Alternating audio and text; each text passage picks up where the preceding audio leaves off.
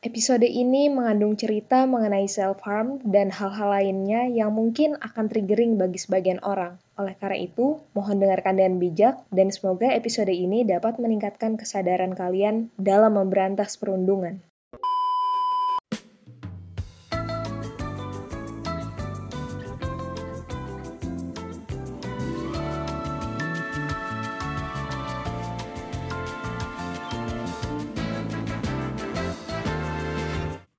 Pierce, balik lagi masih bersama Stefani tentunya di PR Podcast. Nah, kali ini kalian sedang mendengarkan Ruang Tamu, sebuah segmen yang mengundang komunitas atau organisasi yang tentunya memiliki visi misi sejalan nih sama PR Podcast. Nah, pada hari ini kita udah kedatangan teman baru nih dari suatu organisasi yang bergerak di bidang anti bullying. Oke, kayaknya langsung kenal aja kali ya. Selamat siang Andrea. Siang Kak Stefani. Oke Andrea, apa kabarnya nih Andrea? Alhamdulillah baik. Gimana Kak Stefani sehat? Aku sehat. Uh, mungkin aku sendiri dan Pierce, para pendengar podcast kita nyebutnya Pierce, uh, belum kenal nih organisasi yang bakal kita omongin hari ini tuh apa. Mungkin kamu bisa memperkenalkan diri kamu sendiri, terus sedikit tentang organisasi kamu sebelum nanti kita ngobrol-ngobrol lebih lanjut. Oke, jadi halo teman-teman semuanya di mana pun kalian berada yang lagi dengerin podcast ini. Perkenalkan, nama aku Andrea Nisa Ardelia, biasa dipanggil Andrea, umur aku 16 tahun dari Jakarta. Sedikit perkenalan tentang Indonesia Bebas Bully, atau kita singkat IBB aja ya. IBB itu adalah sebuah organisasi non-profit yang beranggotakan para pelajar seluruh Indonesia jadi ada yang dari uh, Jawa, Sumatera, Kalimantan, sampai Papua, Sulawesi itu ada gitu, alhamdulillah. Dan uh, ranging dari SMP, SMA sampai mahasiswa. Di sini uh, misi kita itu ada tiga. Yang pertama meningkatkan edukasi tentang bullying secara online maupun offline karena sekarang lagi COVID, of course online. Yang kedua kita menyediakan ruang nih untuk teman-teman semua yang mau cerita, yang mau sharing experience. Karena kan mostly uh, bully victim itu takut sekali untuk menyuarakan gitu ya. Nah, kita mengadakan platform itu, ruang itu buat kalian. Dan yang terakhir, tentunya kita di sini menyuarakan bareng-bareng uh, campaign Stop Bullying dengan hashtag generasi muda berantas bully. Seperti itu. Wow, 16 tahun ya. Berarti kamu masih kelas 11 ya? Benar nggak sih aku? Iya, betul. Nah, betul, betul. menurut aku ini cukup uh, keren sih karena waktu aku kelas 11 aku belum kepikiran untuk membentuk kayak organisasi atau komunitas gitu kan. Nah, kenapa Andrea sendiri kepikiran yang kira buat bikin IBB gitu? Apakah awalnya sendiri atau bareng-bareng sama teman-teman? Mungkin bisa diceritain ya awal mulanya. Oke, okay. uh, pertama IBB itu masih baru banget ya. Kita uh, lahir tanggal 3 Oktober 2020 pertama aku ngebentuk IBB itu tanpa paksaan atau suruhan orang lain benar-benar nggak ada yang kayak ayo Dre bikin tuh gimana? Kayak nggak ada. Jadi bener-bener lahir dari keresahan dan uh, latar belakang aku sendiri gitu ya. Dan karena aku sebagai founder sendiri of course pasti bersangkutan dengan latar belakang aku gitu. Aku adalah seorang korban bullying sejak SD you can mention everything lah. Physical bullying check verbal bullying check mental bullying check. Nah jadi sebenarnya ceritanya panjang sih. Benar-benar kayak segala hal yang kalian sebutlah apa gitu. I've been there gitu Nah, dengan segala hal yang aku lihat sekarang gitu ya, aku jadi punya perasaan gitu kayak wah nggak bisa nih, ini nggak bisa nggak bisa terus kayak gini gitu, harus diberantas. Dan jadi apa ya? Gue nggak mau gitu dan nggak sudi kalau hal yang gue alamin terjadi juga sama orang lain. Kedua, yang kedua, uh, gue sendiri ngelihat bullying ini sudah sebagai krisis ya, bukan hanya nasional tapi internasional. Gue yakin pasti setiap hari ini di mana pun pasti ada yang terbully gitu. Mau anak-anak, remaja, bahkan sampai orang kantoran pun masih kadang mengalami bullying gitu ya. Nah sayangnya uh, awareness di masyarakat untuk memberantas ini, kemauan, keinginan untuk kita memberantas ini tuh belum timbul secara signifikan gitu loh. Yang mengakibatkan akhirnya kita jadi lama ngeberantasnya. Ditambah lagi mindset orang-orang tuh banyak ya. Gue tuh sering kayak nanya ke teman-teman gue kayak, eh menurut lo tuh bullying, senioritas, stigma itu bisa nggak sih diberantas? And 95% of them mereka bilang kayak Dre it's impossible. Nggak mungkin. Ini kayak udah kayak udah takdir gitu loh. Kayak udah udah nggak ini nggak bisa dihilangin. Udah kayak hukum alam. Tapi kalau menurut aku menurut gue malah it's almost impossible ya. Nothing is impossible. Aku bilangnya almost. Kita masih punya uh, apa namanya? Masih punya possibility-nya gitu. Ditambah lagi kalau misalkan awareness di antara kita nih malah makin tinggi. Wah, bukan almost impossible lagi. Itu udah possible gitu. Dan yang ketiga, aku memilih nama Indonesia Bebas Bully karena aku pengen ngajak seluruh generasi muda yang bergerak gitu. Karena aku sangat menyadari bahwa bullying tuh, kalau aku kan domisili Jakarta ya, bullying tuh nggak cuma di Jakarta doang, nggak cuma di Bandung, Bogor, Depok doang gitu loh. Tapi terjadi di semua tempat gitu. Seperti yang tadi aku bilang kan, nasional dan internasional gitu, sebuah krisis. Dan mungkin kalian teman-teman bakal nanya kayak, emang kalau misalkan orang Jakarta doang yang gerak, nggak bisa gitu. Bisa, aku nggak bilang nggak bisa, bisa. Tapi it'll take time gitu. Masalahnya dalam menghadapi sebuah krisis, we need to treat a crisis as a crisis gitu loh. Kalau kita nggak ngelihat bullying sebagai hal yang harus diberantas, ya kapan mau kelarnya gitu. Contoh deh COVID gitu. Kalau misalkan COVID pemerintah nggak bergerak, ya nggak bakal hilang. Nah sama, sama aja kayak bullying. Kalau nggak ada yang mau, yuk berantas gitu. Nggak ada yang punya pemikiran seperti itu ya mau sampai kapan gitu. Jadi aku harap sih IBB ini dapat berperan sebagai arminya gitu untuk memberantas bullying at least nasional dulu di Indonesia. Oke, bener banget ya tadi walaupun orang-orang sekitar kamu juga bilang impossible karena tapi almost kan maksudnya masih ada ya. walaupun cuma satu persen it's still a possibility gitu kan. Nah, Betul. Nah, uh, oke okay, yang buat aku uh, tertarik nih tadi kamu hmm. juga udah sempat nyinggung uh, mau at least Indonesia dulu kan makanya namanya IBB gitu. Ya. Nah kalau dari pandangan Andrea sendiri emang kondisi sekarang tuh Oh, oke, nggak usah jauh-jauh deh. Mungkin di sekitar lingkungan kamu ya. Kayak gimana sih kondisi realnya separah apa gitu? Apakah sikap toleransi dan hargai orang tuh emang seminim itu? Mungkin bisa diceritain sedikit nih kalau dari pandangan Andrea gimana? Oke, okay. um, cerita sedikit kali ya dari masa lalu aku. Uh, aku dari SD pernah mengalami physical physical bullying ya. You can tell aku pernah digunting rambutnya, aku pernah di selengkat, pernah ditoyor kayu segala macamnya. Makin naik jenjang, mulailah sindir labrak hoax gitu. Aku pernah dikambing hitamkan dalam masalah orang gitu-gitu. Kelas 10 aku masuk itu makin banyak lagi hal-hal seperti itu. Aku pernah difitnah hamil segala macamnya dan sampai hari ini tuh masih lah banyak orang yang sering apalagi nyebar hoax apalagi sekarang kan lagi covid ya jadi kayak cyberbullying cybercrime itu malah makin marak gitu. Hal-hal seperti itu sih yang aku benar-benar masih melihat kayak rame banget gitu. Ditambah lagi uh, aku ngelihat ya di Instagram Indonesia Bebas Bully kita itu punya program namanya ruang bicara. Jadi buat teman-teman yang mau cerita silahkan kalian bisa langsung DM kita. Banyak yang cerita ke kita tentang uh, lagi pandemi ini mereka di cyberbully segala macamnya sampai ada yang mau ngelapor polisi. Itu benar-benar masih uh, terjadi di mana-mana gitu ya. Ditambah lagi bullying itu kan banyak sekali jenisnya. Nggak cuma physical verbal mental dan cyberbullying doang gitu. Ada prejudicial ada dari segi ekonomi dan segala macamnya ada relational bullying juga. Jadi sebenarnya semua jenis bullying itu concern ya, sangat menjadi concern. Kalau di circle aku yang paling aku sering lihat itu adalah uh, verbal, mental, cyber. Tiga ini yang paling rame lah gitu. Di sekeliling aku tuh semua orang ada aja yang ngalamin. Gitu. Tapi bukan berarti jenis-jenis yang lainnya nggak sebahaya itu. Gitu. Oke, okay, benar banget. Apalagi kalau menurut aku yang paling bahaya sekarang sih dari sosial media ya, karena bahkan kadang tuh tindakan kita kita tuh nggak sadar itu tuh termasuk bully. Mungkin nanti di uh, belakang bisa kita bahas juga. Nah, terus tadi sempat ada disinggung konten kalian itu ruang bicara buat bercerita, sharing gitu kan. Nah, yeah. kalau misalnya aku lihat Instagram kalian nih di IBB, kan ada kayak uh, postingan-postingan post edukatif kayak microblog gitu ya. Terus tadi ada juga ruang bicara apakah ada kayak konten lain atau kegiatan lain yang rutin kalian lakukan? Mungkin bisa di-sharing juga nih ke para pendengar. Oke, jadi program-program kita nih di IBB banyak banget ya. Kalau pertama yang kalian lihat di Instagram kita itu adalah uh, weekly posting. Jadi kita emang ngepost materi-materi. Abis itu kita juga ada social media refreshment. Itu jadi kita nggak selalu berfokus sama materi, tapi uh, sering kayak ada games juga, apalagi di IG Story. Ada ruang bicara yang tadi udah aku singgung ada kami bersamamu ini insya Allah akan jalan tahun ini. Jadi sebenarnya kami bersamamu ini um, berkaitan dengan ruang bicara. Kalau ruang bicara kan kita minta kayak ayo teman-teman silahkan yang mau cerita gitu. Tapi kita pengen nge-build sebuah trust di antara uh, kita dan kalian semua gitu.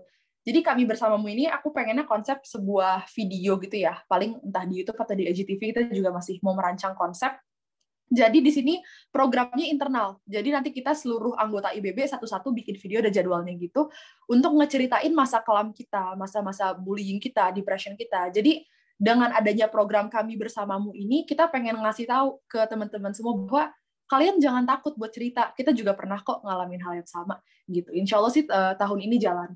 Abis itu kita juga baru rilis podcast hashtag mudik, namanya mudik yaitu alias muda-mudi berdiskusi. Baru aja uh, rilis di Spotify sama Anchor beberapa hari yang lalu, kalian bisa langsung cek di Spotify. Terus kita juga punya eh, IG Live, nama segmennya itu hashtag gelitik alias ngobrol elit inspirasi kaula muda. Itu kita ngobrol-ngobrol uh, sama organisasi-organisasi yang kayak kita nih komunitas-komunitas gitu. So far sih baru itu. Tapi kalau misalkan kayak program yang lebih advance gitu ya. Dari awal aku ngebentuk IBB, aku itu sangat menargetkan pengen bekerja sama dengan pemerintah. Sangat itu dari awal pengen banget ketemu Pak Nadim gitu. Apalagi uh, Pak Nadim Makarim, eh, ini kalau Pak Nadim dengar, halo Pak. Itu dia pernah uh, mencetuskan tiga dosa dalam dunia pendidikan ya. Ada into apa namanya intoleransi, sexual harassment sama bullying, perundungan. Nah, jadi aku merasa, wah ini pas banget nih, uh, Pak Nadim pernah mencetuskan ini, bakalan klik banget kalau misalkan kita bertemu dan ngobrol sama dia, kita sama-sama nyari solusi gitu. Aku pengen banget. Jadi itu sih, sama yang paling deket mungkin yang insya Allah tahun ini atau enggak ya, jangan sampai tahun depan, kalau bisa tahun ini why not gitu ya. Aku pengen banget ngadain program webinar school to school, karena kan sekarang lagi online Zoom gini kan, jadi kalau kita kayak webinar ke sekolah di Kalimantan, di Sulawesi, itu kan kayak bisa gitu ya. Jadi bener-bener aku pengen selain nge-reach ke pemerintah, nge-reach teman-teman semua as a person gitu. Jadi mungkin teman-teman uh, yang masih sekolah SMA, SMP, atau mungkin uh, mahasiswa juga, kalau kalian mengundang IBB buat sharing-sharing, ngasih materi juga webinar gitu, boleh banget untuk di-propose. Oke, keren banget. Semoga ya Pak Nadim dengar podcast ini ya. Uh, aku juga pengen. Oke, okay. nah tadi kan uh, benar banget tadi, tiga dosa di dunia pendidikan gitu, sexual harassment itu rame banget, apalagi yeah. dari SMP, SMA, kuliah di sekitar aku pun banyak gitu kan, bullying juga. Nah, uh, kalau secara awam nih, aku orang awam bukan yang bergerak di bidang uh, kayak kamu gitu aktivis di bidang ini mungkin ya. Concernnya bukan di situ. Uh, eh sorry tadi notifnya kedengeran nggak? Benar-benar aku lupa silent. Oke okay. aku ulang ya. Nah kalau ya. misalnya tadi uh, aku sebagai orang awam nih bukan aktivis yang bergerak di bidang uh, anti bullying kamu mungkin aku cuma tahu bullying itu perundungan kayak gitu kan. Nah uh, bullying itu juga bisa kayak menghina atau merendahkan. Nah, tapi sebenarnya arti lebih komprehensifnya tuh bullying tuh mencakup apa aja sih gitu? Mungkin bisa dijelasin? Oke, uh, eh, secara simpel ya, sebenarnya bullying itu gini, ketika misalkan ada si A sama B nih, A misalkan mau ngatain atau gimana, ketika si B ini merasakan uh, apa ya, merasa nggak nyaman, merasa tercekam, merasa keteror segala macamnya, pokoknya kita yang si B ini ngerasa nggak enak lah, itu udah bully gitu. Tapi kalau misalkan nih kan ada ya kayak misalkan tongkrongan-tongkrongan kita deh gitu kan emang mungkin bercandanya hmm. sering ngomong kasar segala macem. Tapi emang udah kebiasaan kita and it's not a big deal. Itu bukan bullying namanya gitu. Beda konteks. Dan kadang orang masih sering tuh yang kayak uh, apa namanya nggak bisa membedakan mana bully mana bercanda. Jadi tergantung sama konteksnya teman-teman gitu sih. Yang penting kalau si B ini udah ngerasa nggak enak, tersinggung, eh, nggak uh, nyaman, tercekam, itu berarti masuk ke kategori bullying gitu.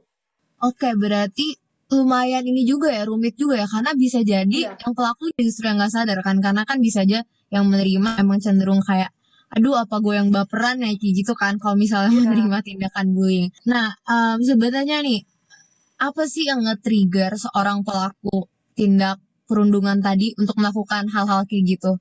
Apakah mungkin latar belakang keluarganya atau apa mungkin Andrea uh, bisa ngejelasin juga? Oke, jadi yang aku lihat ada um, empat lah, yang empat alasan yang main ya. Yang pertama, pelaku itu iri sama korban. Tapi uh, gini, yang aku lihat mostly irinya karena mungkin korbannya lebih pinter atau gimana. Tapi yang apa ya? Yang paling aku sering lihat itu pelaku itu iri dengan kedekatan korban dengan keluarganya. Aku sering banget lihat itu. Nyambung ke alasan kedua, yaitu mungkin dia punya masalah pribadi Yang ketiga, dia mungkin kurang perhatian dari keluarganya. Karena itu hal-hal seperti itu dari lingkungan circle, inner circle dia dulu deh. Dia karena nggak mendapatkan itu, jadinya dia iri nih. Wah, kok kok dia bisa gitu kan? Karena kalau misalkan nih, kalau uh, apa ya? Kalau kita lihat kan mostly sebenarnya pelaku bullying itu kan yang kayak uh, popular, famous, famous and stuff gitu kan yang derajat status derajat di apa di lingkungan dia tuh tinggi gitu lah ya. Nah tapi sebenarnya bullying itu lagi-lagi aku sampaikan bisa dilakukan oleh siapa aja ya. Jadi bukan hanya orang yang famous anak geng atau apa nggak selalu mereka gitu. Jadi yang pertama ya karena mereka iri, terus mereka mungkin punya masalah pribadi, jadi dia lampiaskan ke hal-hal, ke segala hal, termasuk bullying.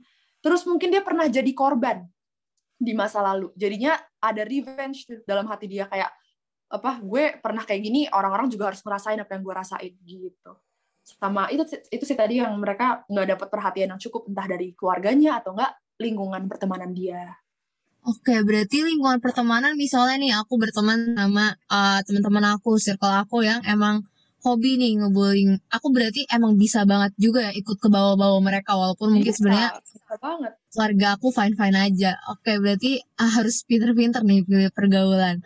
Oh, Oke, kita ke next ke next question ya. Nah, kan bullying tuh ada banyak ya tipenya bisa tadi fisik, bisa mental, bisa verbal juga gitu kan. Tadi Andrea juga sempat cerita pernah ngerasain semuanya nih, pernah nyicipin semuanya. Nah, aku pengen nanya sih, apakah impact dari misal bullying fisik sama bullying verbal dan mental itu impactnya ke korban tuh sama gitu maunya atau kayak beda-beda mungkin? Mungkin bisa dijelasin? Kalau menurut aku uh, rata-rata sama kayaknya ya. Bener-bener langsung ngerasa pertama trauma. Bener-bener segala hal yang aku alami pada masa lalu aku tuh menimbulkan trauma yang cukup berat untuk diri aku sendiri. Jadi bisa dibilang kalau misalkan aku bandingin gitu ya, aku yang dulu sama yang sekarang tuh lumayan jauh gitu. Aku salah satunya adalah aku punya trust issues yang cukup tinggi terhadap orang. Aku pernah, aku tuh anaknya ekstrovert.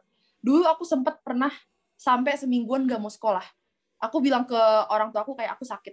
Dan, dan aku kayak bener langsung minum es segala macemnya biar aku bener kayak sakit beneran gitu kan. Padahal aku masuk gak mau masuk sekolah tuh gara-gara dibully setakut itu dan akhirnya sekarang jujur sampai hari ini masih ke bawah apa ya kayak parno gitu.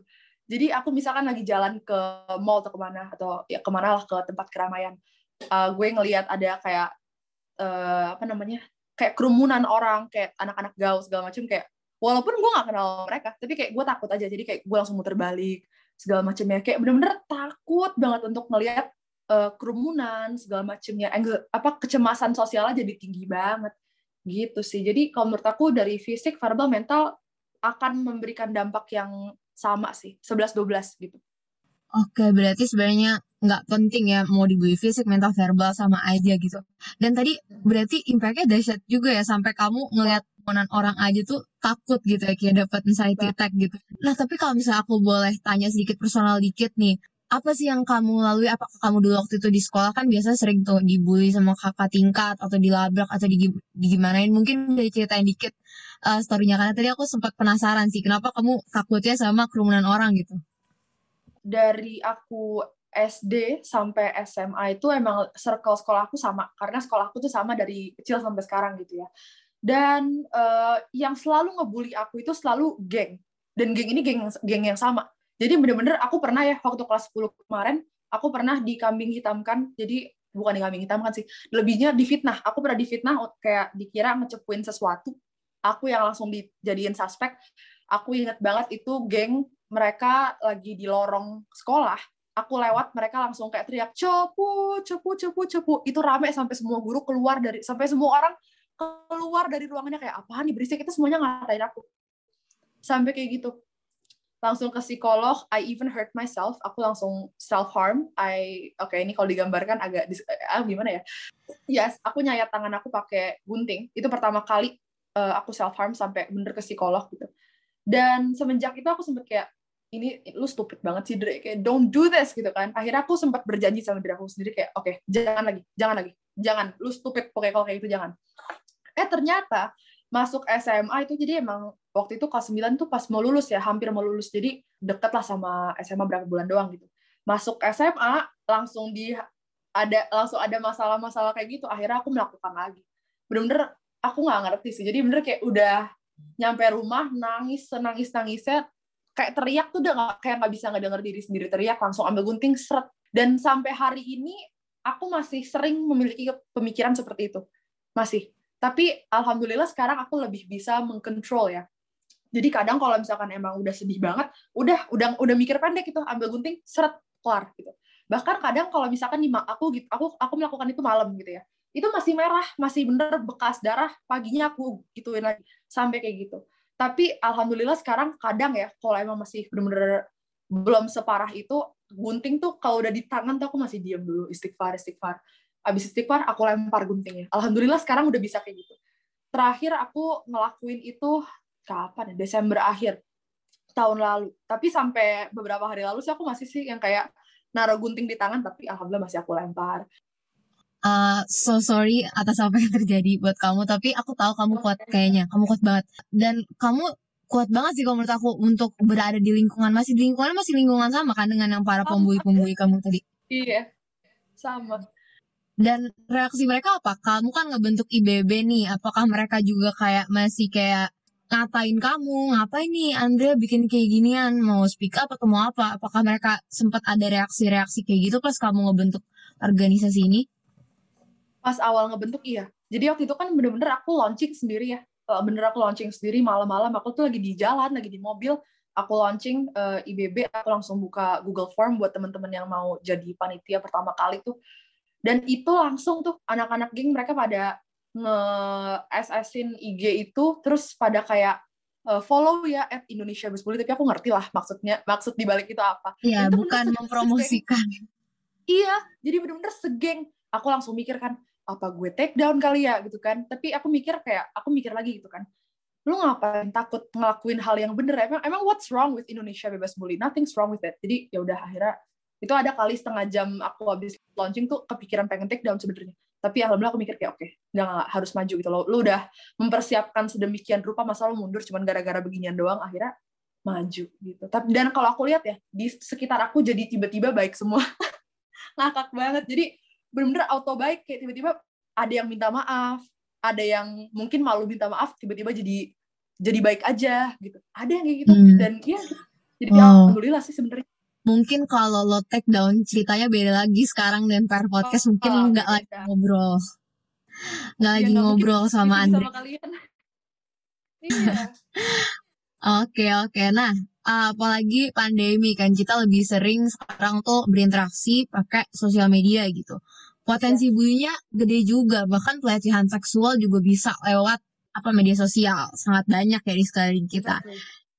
Nah kalau buat aku pengen nanya sih sebenarnya. Kalau misalnya nih aku nih sebagai orang awam nih aku melihat teman aku uh, mengalami perundungan online gitu. Terus dia cerita ke aku misalnya kayak revenge porn gitu. Itu sering banget kan di sekolah-sekolah di kampus juga banyak.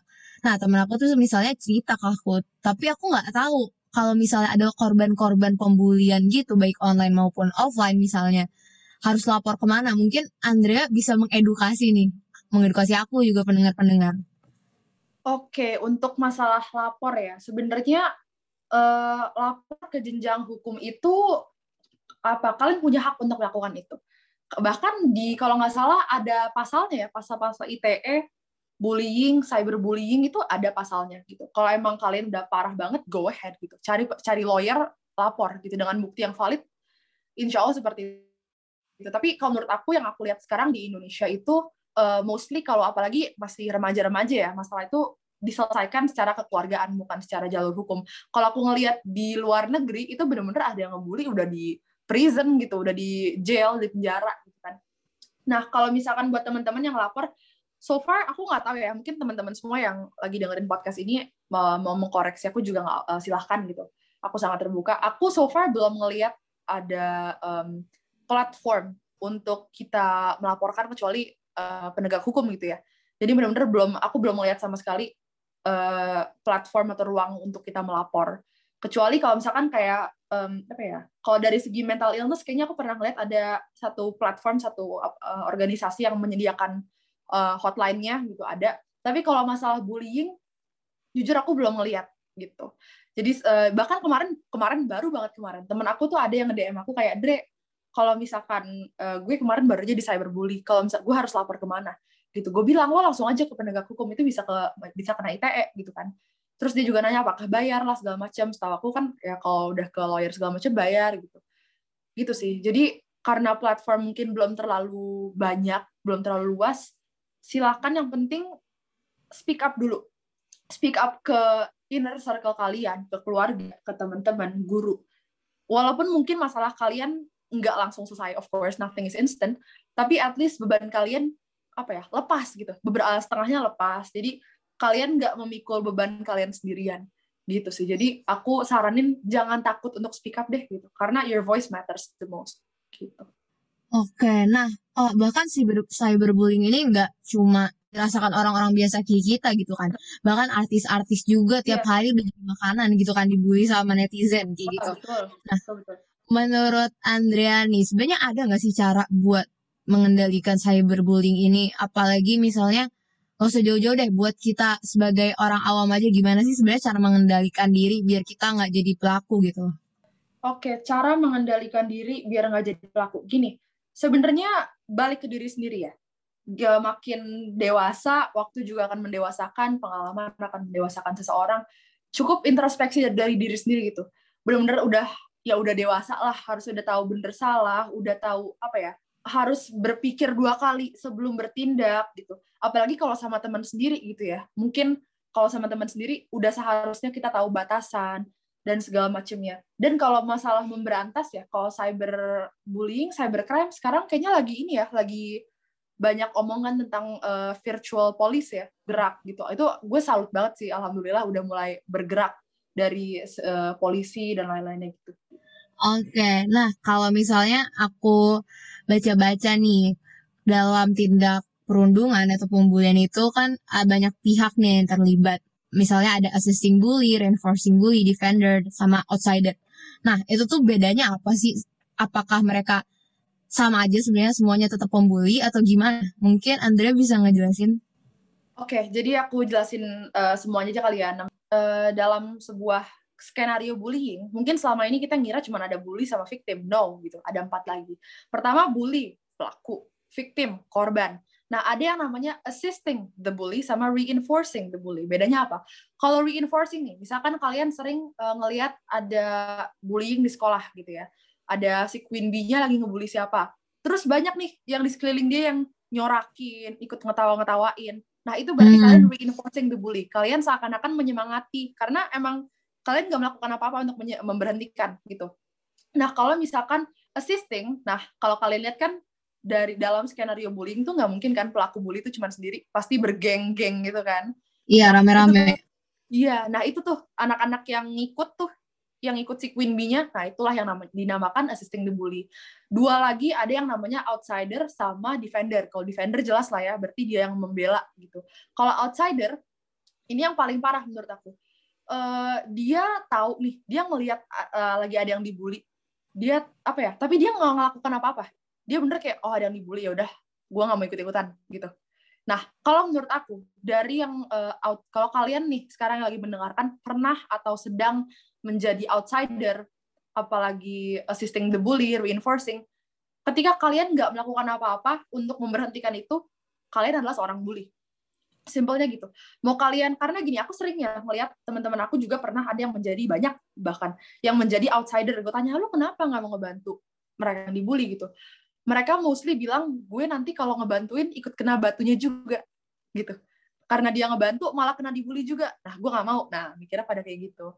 Padahal kalau misalkan aku di posisi uh, di dalam skenario itu gitu ya I'll do everything gitu, whatever it takes. Mau sampai gue yang dibabak belurin, I don't care. Yang penting gue udah berusaha untuk membela kebenaran dan keadilan, justice gitu ya. That's all sebenarnya. Jadi buat kalian sekali lagi yang pernah atau sedang berperan sebagai uh, outsider, assisting, reinforcing, kalian sama aja uh, dengan pelaku bully gitu. Wow, fun fact banget ya karena jujur aku cerita sedikit ya waktu aku kelas 10 aku dan temen aku di sini mungkin ada Rebecca juga yang lagi ngedengerin. Uh, itu dulu kita sekelas dan dulu di kelas kita itu sempat ada yang dibully sama kakak kelas. Dan kita cuma diem sekelas karena kita tuh takut. Kita waktu itu kelas 10 terus yang ngebully itu senior. Jadi kita juga takut ikut kenal labrak. Berarti kita udah bisa digolongkan sebagai outsider ya tadi? Betul iya. Oh my god. Baru nyadar oh, loh karena aku nanya ke Andrea iya. oke okay, nah terus kan kalau korban bully ini berarti mm, mostly ya mostly yang bilang nggak berani kan buat speak up apalagi misalnya ke guru gitu misalnya di sekolah ke guru BK karena takut malah nanti ikut-ikutan disalahin biasanya kayak gitu kan. Kamu sih kayak gini gini gini nah sebenarnya tuh gimana sih cara ngeidentifikasi temen kita atau orang di sekitar kita tuh uh, korban bully tapi mereka belum berani untuk terbuka gitu? Apakah kayak ada tanda-tanda tersendiri gitu oke okay, kalau dari kalau mungkin kalau kita ngomongin dari sisi mental illness atau mental condition itu banyak ya tanda-tanda tanda, apa tanda-tandanya misalkan dia jadi tiba-tiba jadi pendiam jadi sedih uh, apa namanya uh, apa dia jadi malas beraktivitas segala macam itu patut dipertanyakan seperti itu. Tapi kalau bullying sendiri nih, aku sebagai orang yang pemendam nggak ada satupun yang tahu uh, apa yang aku alami sekarang. Kalau dulu iya, dulu aku cerita selalu sama teman-teman aku kayak, oh ya gue diginin, gue diginin. Tapi sekarang aku jadi kayak, udah deh, jangan ada yang tahu deh, gue sendiri aja yang tahu sama Allah gitu. Udah cukup sekarang gue tuh orangnya pemendam banget. Gue I don't talk to my friends, my best friends, my family, nggak sama sekali gitu jadi itu dia sih dari sebenarnya harus dibantu. Jadi dua pihak ini tuh berkorelasi ya di antara yang victim sama temennya gitu. Temennya juga ya namanya juga sebagai seorang teman sudah seharusnya mengenal lah nih teman kita tuh kayak apa sih. Kalau misalkan dia lagi sedih tuh tanda-tandanya apa? Karena karena kan sedihnya orang beda-beda gitu ya. Ada yang uh, tiba-tiba diem aja, ada yang sampai mungkin ngunciin diri di kamar segala macamnya. Jadi itu sih. Dan ter, uh, ditambah lagi sama si victim nih timbulin kesadaran itu dalam diri kalian gitu karena iya sih. I mean ketika kalian tidak menanggapi ketika kalian cuek atau ya kalian nggak melakukan apa-apa gitu itu adalah sebuah option juga gitu dalam melawan uh, pelaku bully. Tapi alangkah baiknya dengan speak up itu sebenarnya banyak loh benefit yang bisa kita datangkan gitu. Selain kita benar-benar membuka mata orang terhadap bullying dan gini kalau misalkan kita ngomongin di sekolah deh gitu. Misalkan uh, uh, gue nggak apa namanya gue kasih tau ke guru bu aku dibully sama ini si pelaku bakalan dipanggil ditanya sama guru BK misalkan sama orang tuanya kamu kenapa melakukan ini? Kan berarti terbuka tuh apa aja sih yang dia rasakan? Apakah dia punya masalah apa dia punya unek-unek sampai dia melampiaskan. Jadi dengan kita speak up itu secara nggak langsung kita menyelamatkan hidup pelaku gitu loh. Kita ngebantu orang tua pelaku juga untuk mengembalikan si anak ini jadi lurus lagi gitu loh. Jadi menurut aku dari dua belah pihak nih, dari seorang sahabat, seorang teman sama temen yang victim gitu atau sedang mengalami masalah, itu perlu banget sih komunikasi is the key, communication. Oke, berarti um, tadi kita juga bisa ngebuka pintu lain ya, nggak cuma kita doang yang jadi diselamatkan, dia juga bisa diselamatkan juga gitu kan. Betul. Nah, tapi apakah pernah ada kasus yang kayak misalnya uh, udah nih, udah buka-bukaan satu sama lain, tapi uh, si pelaku ini tuh nggak terima gitu dia merasa dipermalukan karena jadi dilaporin terus tindakannya dia jadi ketahuan keluarganya. Terus tindakannya jadi makin parah lagi. Apakah itu memungkinkan juga untuk terjadi kayak gitu? Ada ada banget. Waktu itu ada uh, beberapa kayak awal Januari di kalau nggak salah. Masih baru banget. Ada cewek ya dia udah kuliah. Dia langsung nge DM ke IG personal aku. Dia langsung nge DM dia cerita. Katanya dia nih waktu SMA pernah lah dibully sama uh, kakak kelasnya cewek. Masalah percintaan. Jadi si kakak kelas famous ini punya cowok tapi cowoknya ini deket sama si cewek yang cerita sama aku. Jadi dikira sama ceweknya kayak oh ini lu ngerebut cowok gue segala macemnya. Dibully dibully dibully. Katanya mereka tuh udah sempet tuh udah kayak udah bener-bener ngobrol empat mata segala macemnya.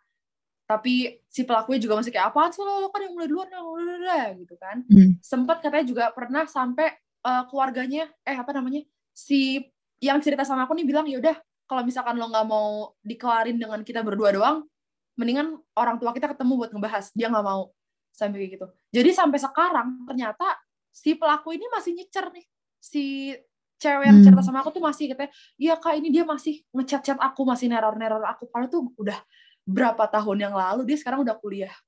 Tahun kedua tahun ketiga dan dia dan si pelaku ini tuh masih tuh ngebully dia, nyecer dia, ngeteror dia tentang perkara SMA masalah percintaan begitu. Aku mikir kayak wow, berarti uh, parah banget gitu kan nih orang kayaknya nggak bosen-bosen. Akhirnya aku nanya, aku bilang ke si cewek ini, aku bilang aku ngasih saran kalau misalkan emang udah nggak mau kamu berhak kok lapor ke polisi gitu. Dia bisa dikenain pasal. Itu bener dia kayak gitu. Tapi si cewek ini juga nggak berani untuk melakukan itu seperti yang alasan tadi lah nanti mak takut makin parah segala macamnya. Jadi ya aku nggak tahu sih sekarang kondisi dia seperti apa tapi if you're listening to this I hope you're okay berarti sangat disturbing banget ya bertahun-tahun kita diteror oh, sama risih sih pasti oke okay. nah terus tadi kan mungkin uh, korban-korban bully juga banyak banget yang mentalnya terganggu gitu kan Nah, untuk proses pemulihan mental sendiri, mungkin Andrea juga sekarang masih dalam proses pemulihan kan, healing kayak gitu kan. Yeah. Nah, kira-kira langkah apa sih yang bisa dilakuin sama orang-orang terdekat maupun si korban sendiri gitu? Langkah pertama apa nih kalau misalnya oke okay, gue mau menyembuhkan diri gue, menyembuhkan jiwa gue, hati gue gitu, apa yang harus kita lakukan pertama-tama? Oke, okay, uh, eh, yang pertama menurut aku terbuka ya. Terbuka andai kan uh, jujur kalau aku sendiri aku aku mengakui aku itu nggak terbuka itu sama keluarga tapi aku terbuka sama teman-teman aku mostly. Aku bener maksa diri untuk cerita gitu kayak tapi sampai hari ini aku juga masih susah banget untuk cerita. Aku punya satu sahabat aku ya dia bener-bener tahu banget kalau aku lagi kenapa-napa dia bener kayak Dre cerita cerita pokoknya lu, lu buka sama gue gitu cerita sama gue akhirnya bener cuman sama orang inilah aku bisa cerita. Walaupun uh, kita mungkin aku sekedar cerita doang kita nggak mengambil langkah apa-apa lagi tapi sebagai orang yang pernah mengalami sebagai korban gitu kita butuh tempat cerita sangat butuh untuk ya at least beban tuh nggak dipikul sendiri gitu lah ya. Kedua uh, kalau emang kalian udah merasa parah jangan pernah takut untuk nyari bantuan. I mean as a human being we kita apa ya we deserve to apa untuk dapat help gitu we deserve to get some help. We seek for help. Itu banyak ya orang yang mira tuh kayak kalau ke psikolog ke, psikiater tuh kayak orang gila segala macamnya. Gue gue nggak ngerti itu mindset dari mana tapi ya as a human being we deserve help gitu. Jadi untuk kalian yang sekiranya butuh untuk bantuan profesional go ahead gitu loh. Karena ya jangan sampai cuman gara-gara apa mindset orang-orang bilang kayak oh, orang ke psikolog tuh kayak orang gila segala macam jangan kemakan sama kayak gitu gitu. Kalau emang butuh silahkan. That's an option gitu ya. Yang terakhir yang aku sampai hari ini masih susah banget untuk menjalani adalah berdamai. Aku untuk berdamai sama diri sendiri, alhamdulillah ya udah lumayan. Tapi yang sekarang masih susah banget untuk aku lakukan adalah berdamai dengan uh, kondisi aku sekarang dan uh, masa lalu aku. Karena kan bisa aja nih kita tiba-tiba misalkan lagi nugas, lagi apa, tiba-tiba memori yang lama ke recall gitu kan. Ada orang kok ketika kita udah bisa berdamai, kita pas memorinya ke recall tuh kayak oh ya udah gitu udah itu udah berlalu udah it's it, it's in the past gitu kan tapi kalau misalkan kalian kayak aku nih yang belum terlalu bisa berdamai aku bener masih overthinking masih mikir kayak aduh kalau dulu kalau dulu gue kayak gini mungkin kayak gini kalau gue dulu nggak kayak gini eh, nggak uh, bakal kayak gini masih sering kepikiran kayak gitu terus ditambah lagi uh, berdamai sama kondisi aku yang sekarang juga uh, alhamdulillah aku sangat bersyukur aku sedang sibuk-sibuknya. Jadi aku banyak banget hal untuk apa ya? Sebagai distraction aku juga dari segala kesedihan aku gitu. Terus yang keempat, me time, quality time. Bukan cuman quality time sama teman, sama keluarga, tapi sama diri sendiri. Itulah kalau buat aku ya dalam kasus hidup aku uh, me time itu adalah the only way yang aku temukan untuk menyembuhkan diri aku. Walaupun aku belum sembuh, tapi ini adalah cara yang paling efektif menurut aku gitu aku bener-bener dulu ya dulu namanya juga masih ya masih anak kecil kan bener-bener ke mana-mana harus sama teman sama keluarga atau apa. Sekarang bener-bener aku jalan-jalan sendiri. Bahkan aku punya supir aku nggak mau pakai supir. Aku naik gojek MRT Transjakarta. Cuman ngabisin kayak aku mungkin ngabisin kayak empat jalan empat jam di jalan. Terus cuman kayak nongkrong di coffee shop di Starbucks for like an hour. Kayak gitu doang. Ngelihat orang tuh aku nonton sendiri. Aku shopping sendiri jalan-jalan sendiri. Aku belajar pun kadang kalau emang vibe di rumah tuh nggak enak aku belajar di Citos di mana bener-bener jadinya semua sendiri dan aku sangat enjoy enjoy banget sama hal seperti itu. Yang terakhir adalah jujur sama diri sendiri gitu. Karena gini uh, aku merasakan sendiri ya bahwa aku tuh sering banget nanya orang kayak hey how are you? gitu are you okay? segala macamnya. Tapi aku ternyata sadar aku nggak pernah bertanya itu ke diri sendiri kayak Dre kayak Dre are you okay? Kayak what happened to you today? Are you okay? How are you? gitu. Tuh aku aku jarang banget nanya kabar ke diri sendiri tuh kayak jarang banget hampir nggak pernah mungkin ya. Dan segala hal yang aku rasakan gitu aku jadi bohong ke diri aku sendiri ketika aku capek. Misalkan aku lagi nugas lagi banyak kerjaan lagi disuruh ngerjain ini ngerjain itu handle ini handle itu.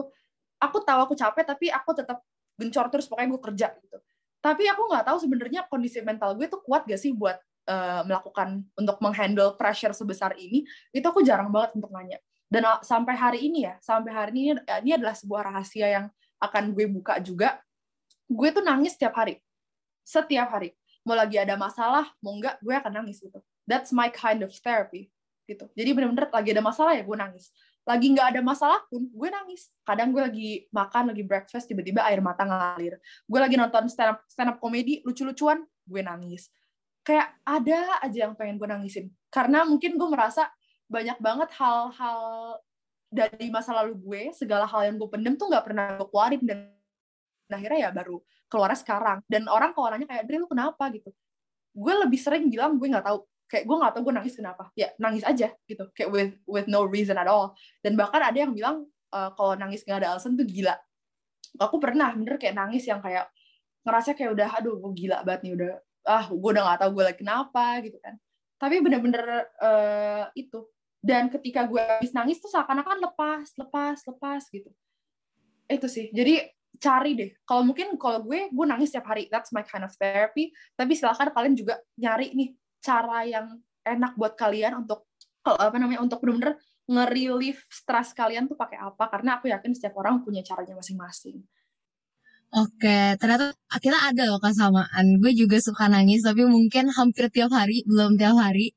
Tapi okay. karena gimana ya, gue sempat ngira diri gue tuh aneh loh. Kalau misalnya kayak, misalnya diem malam sebelum tidur, terus kayak, ya lagi merenung aja, terus tiba-tiba nangis. Gue sempat ngerasa itu tuh aneh. Gue sempat ngerasa gue terlalu emosional kayak gitu dan gue pengen sharing juga gue biasanya oh. ini ngomong sendiri ngomong sendiri tapi kayak ngobrol sama diri sendiri tapi bersuara itu juga mungkin kalau teman-teman di rumah mendengar bisa dipraktekkan juga karena benar sih kata Andrea tadi coba aja ekspor gitu cara-cara buat tadi buat ada waktu sama diri sendiri buat mengenal diri sendiri lebih jauh kayak gitu hmm, terus ini terakhir eh nggak terakhir juga sih hampir terakhir deh nih Kira-kira okay. tadi kan udah sempat ada tuh Anda cerita dikit yang korban bully tadi yang sampai kuliah dia masih uh, tadi diancam kayak gitu. Mungkin ada satu cerita lagi nih boleh diceritain sama Andrea cerita yang paling benar-benar membekas gitu. Cerita yang cerita orang yang Andrea rasa orang-orang perlu denger nih.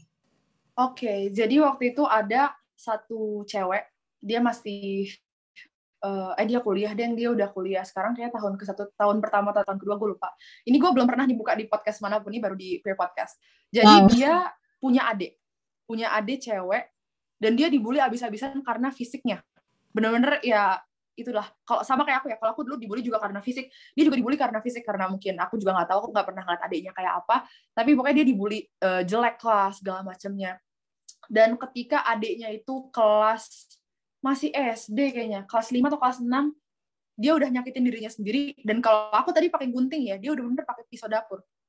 Oh pakai pisau dapur itu dia bukan nyayat lagi, udah ditusuk tangan ya, bener ditusuk berkali-kali. Dan akhirnya awalnya dia pas ketahuan sama kakaknya, sama mamanya, orang tuanya, dia cuma bilang, oh uh, kepentok ini, kepentok itu, kepentok itu, kepentok ini gitu kan. Ngeles lah. Akhirnya Wali adiknya ini uh, udah nggak bisa menghandle lagi, udah nggak tahu gimana caranya, akhirnya dia sempat masuk ke IGD atau UGD, gue nggak tahu masuk emergency, dibawa ke psikiater, sekarang dia sampai hari ini dia masih kayak minum-minum obat, karena kan kayak kalau kita ke psikiater kan ngomonginnya obat ya, kalau misalkan depression mungkin dikasih bener, bener.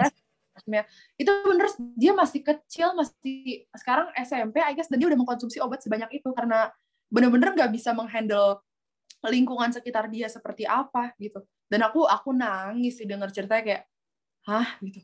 Anak kecil loh gitu.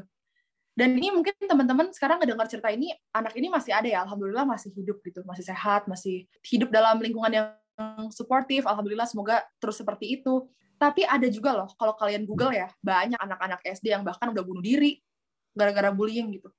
Jadi bener-bener separah itu impact dari bullying. Bahkan dari kata-kata aja deh kalian ngasih kalian ngelontarin satu kata yang parah kayak jelek kok gendut kok. Itu udah mungkin ada orang yang kebal ya tapi ada juga orang yang langsung ambil hati langsung kayak apaan nih orang? gitu kan sampai down hmm. down downnya manusia gitu loh. Jadi ya itu sih yang paling uh, men, apa menyayat hati banget gitu. Jadi aku harap teman-teman dari cerita yang tadi aku kasih tahu itu langsung bisa ini deh langsung apa ya bisa refleksi diri gitu. Soalnya aku juga nangis banget sih dengernya parah. Bener banget uh, miris yang ngedengarnya. Bahkan kadang tuh nggak harus jelek lo atau gendut lo gitu. Itu kan mungkin kayak kasar banget dan langsung to the point. Yeah. bahkan kadang pertanyaan yang nadanya baik kayak misalnya uh, eh aku pernah nih ngalamin waktu zaman zaman aku baru puber biasa lah ya jerawatan anak perempuan kayak gitu kan.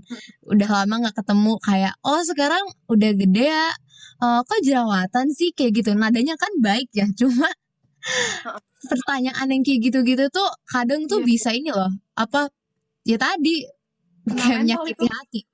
Iya bener banget. Apalagi kalau sekarang gendutan ya sekarang jerawatan ya kenapa kurang cuci muka ya gitu-gitu kayak gimana ya? Menurut aku yang kayak gitu-gitu perlu dikurangin sih bahasa basi yang kayak gitu ya. Mungkin teman-teman di luar sana juga dengar. Oke nah sebagai closing nih menurut Andrea tindakan kecil apa sih yang pendengar bisa lakukan uh, sebagai masyarakat yang awam nih mungkin untuk kontribusi bareng-bareng nih ngebantuin IBB mengurangi kasus bullying di Indonesia. Mungkin bisa disampaikan sepatah dua kata. Oke, okay, uh, eh, buat teman-teman semua nih, ini berarti buat yang ini ya, yang awam ya, bukan pelaku. Iya benar. Oke, okay, jadi apa kontribusi kalian ini? Karena ada nih orang yang pertama untuk kalian yang tidak terlalu bergerak dalam bidang ini, tapi aku sangat butuh kontribusi teman-teman semua gitu ya yang sedang mendengarkan ini. Pertama, kalau kalian victim speak up gitu ya. Karena gini, di zaman sekarang banyak sekali orang yang ingin meningkatkan derajatnya dengan merendahkan orang lain. Aku nggak ngerti kenapa orang-orang pada melakukan itu. Dan uh, banyak orang yang kayak melakukan bullying karena biar nggak mau terlihat cemen. Padahal kalau kita mikir gitu ya, justru mereka yang cemen, ya nggak sih? Bareng-bareng ngejatuhin satu orang kayak is that oh my god oke okay, mereka nggak kayak nggak mikir gitu. Dan ketika kalian kalian victim kalian nggak mau cerita kalian cuek that's an option. Tapi sebagai kontribusi aku berharap sangat berharap kalian sikap tentang bullying. Entah mungkin dari pengalaman kalian atau enggak emang secara general aja kalian bener punya pemikiran kayak oh nih bully itu harus karena suara kita nih yang paling uh, matters the most hal kecil yang akan sangat berdampak banget untuk dunia pendidikan kita juga gitu ya secara nasional dan internasional itu adalah ya suara kita. Udah sesimpel itu. Suara kita dan introspeksi diri aja gitu. Kalau kalian emang merasa pernah atau sedang menjadi pelaku it's never too late to be a better person gitu ya. Setiap hari Tuhan itu memberikan kesempatan setiap detik untuk kita berubah. Jadi tolong jangan menormalisasi bullying gitu because you never know gitu. Kita nggak pernah tahu perasaan orang kalian ngebully orang kelihatannya dia cuek-cuek aja padahal di dalamnya dia tersakiti nggak ada yang tahu who knows gitu kan. Jadi benar-benar introspeksi diri dan untuk para korban intinya situ doang sih suara kalian tuh yang paling akan berdampak. Kalau misalkan nih kalau satu dua orang doang yang ngomong itu ya akan mempengaruhi beberapa orang doang. Tapi kalau misalkan satu Indonesia yang bersuara kebayang nggak? Kita bener bisa uh, merubah dunia pendidikan kita gitu loh. Apalagi dari yang tadi aku sebut dari tiga dosa menurut Pak Nadim ya di dunia pendidikan itu bisa-bisa hilang kalau emang kita semua bersuara. Jadi kalau misalkan kalian gak mau menyuarakan kisah bullying kalian emang menurut kalian mungkin personal atau gimana, it's okay. Tapi setidaknya kalian suarakan tentang concern kalian terhadap bullying in general. Gitu. Itu yang paling matter sih kalau menurut aku. Sekecil itu. Oke, okay, thank you banget Andrea uh, dari IBB udah mau ngobrol sama aku dan PR Podcast. Nah, untuk thank menutup ya. untuk menutup sesi ngobrol-ngobrol kita, kita main yes or no dikit kali ya mengenai obrolan kita hari ini. Boleh. Nanti oke, okay, jadi pertanyaan yang pertama, apakah bullying hanya dialami oleh orang dewasa? Yes or no? No. No banget. Tadi udah ada, ada cerita kan. Iya, anak yeah. kecil juga mengalami. Oke, okay, yang kedua. Apakah pelaku bully selalu berasal dari golongan ekonomi kelas atas? No, semua orang bisa melakukan bullying, bisa menjadi pelaku. Oke, okay. yang ketiga, apakah bully selalu dilakukan dengan sengaja? Uh, tidak, no. Karena apa namanya bullying bisa dilakukan secara sengaja dan tidak sengaja ya. Kayak tadi kan Kak Stefani cerita juga ternyata sempat nggak sadar dan nggak sengaja gitu ya sengaja dan nggak sengaja tuh bisa gitu oke okay. Uh, tapi yang nentuin selanjutnya gimana kita abis itu bersikap kan nih kalau misalnya sadar ya Iya, itu dia. Introspeksi. Bagus gitu. Oke, yang terakhir nih, apakah korban bully selalu butuh waktu yang lama untuk pulih dari traumanya? Uh, selalu itu tergantung apa ya? Berarti ya setenu tuh. depend ya berarti, depend. Oke, okay, iya. berarti it depends gitu. Karena ada hmm. yang cepat mengatasinya, ada juga yang lama gitu ya. Aku dari SD sampai sekarang nggak pernah hilang trauma itu. Jadi tergantung orang sih sebenarnya it depends yang penting kalau harapan aku buat Andrea terus berproses aja gitu sekecil apa pun prosesnya yang penting berproses gitu oke okay. okay, thank you banget Andrea udah mau diundang di tengah-tengah kesibukannya masih sekolah juga gitu kan semoga sukses semuanya. terus hebat banget kalian terus buat IBB semoga semua plan-plannya buat tahun ini lancar uh, dan semoga kita bisa kerjasama lagi ya ke depannya Andrea amin amin banget Oke, okay, thank you Piers yang udah ngedengerin ruang tamu hari ini bareng Andrea dari Indonesia Bebas Bullying. Saksikan terus acara-acara dari PR Podcast berikutnya. Pantengin, kalian bisa uh, follow juga kita di Instagram nih, di PR underscore podcast. Kayak gitu. Akhir kata, Stephanie pamit undur diri dulu. Bye-bye. Share the story, enjoy the journey.